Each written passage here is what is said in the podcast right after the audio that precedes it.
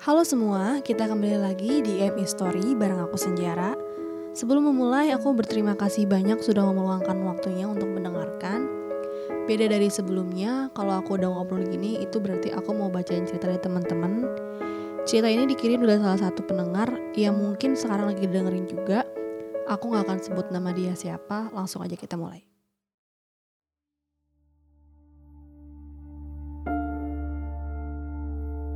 Ini cerita kerinduan saya dengan orang tua saya.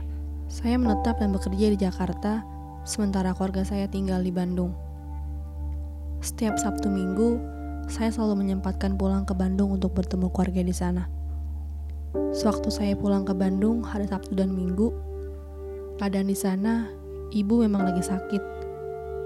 Selama saya di Jakarta, kakak saya memang selalu telepon saya untuk saya segera pulang ke Bandung.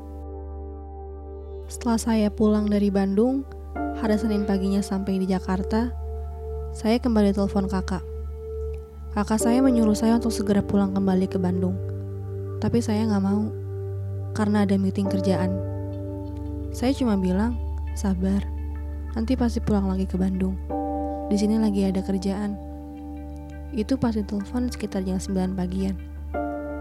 Jam sebelasan kakak saya nelpon lagi, tapi nggak saya angkat teleponnya.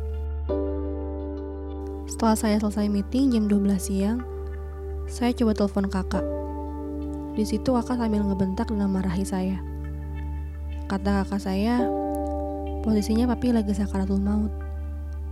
Saya shock banget dengarnya karena setahu saya, papi nggak pernah ada masalah tentang penyakit. Pas saya tahu keadaan papi, saya langsung pulang ke rumah untuk packing dan situ saya berangkat ke Bandung sendirian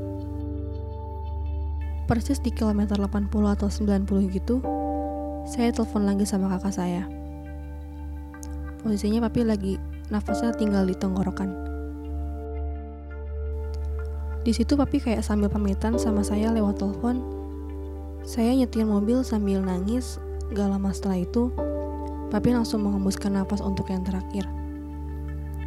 Jadi selama di telepon itu, saya ngedengerin papi lagi sakaratul maut. Saya benar-benar shock, nangis dan langsung keluar dari mobil. Saya benar-benar menyesal.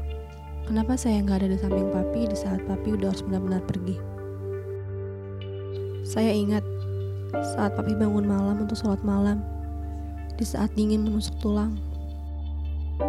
Saat papi mengaji di sebelah ranjang di rumah sakit saat saya sakit. Saat papi membeli makanan sepulang dari kantor dan anak-anak yang menyambut dengan gembira.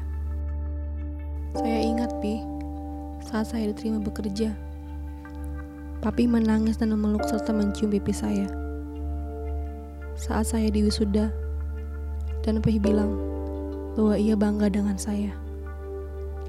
Saat Papi sedih karena tidak punya uang untuk menyekolahkan saya kuliah. Saat Papi berjalan menembus hujan untuk mencari pinjaman karena kami anak-anaknya telah membayar uang sekolah. Saya tahu Papi bukanlah ayah yang terbaik di dunia ini. Mungkin bukan ayah yang tahu cara mengajarkan anaknya dengan sempurna seperti seorang guru.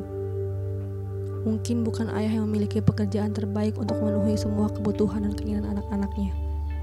Mungkin pula, Papi kerap kali kesal dan marah atas kebodohan dan kesalahan kami berulang-ulang.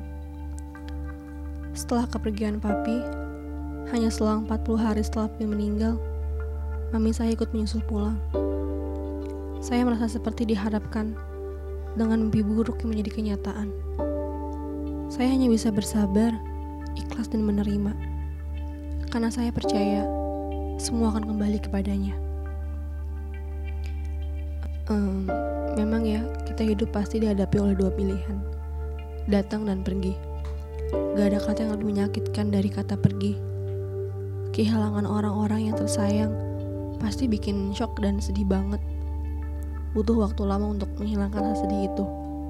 Tapi kepergian orang yang kita sayang, mungkin memang sudah waktunya kepergian itu memihak datang ke kehidupan kita. Dan harus bisa belajar ikhlas dan lebih kuat lagi. Tapi bentuk dari ikhlas bukan berarti kita harus benar-benar melupakan. Melupakan orang tua yang sudah pergi.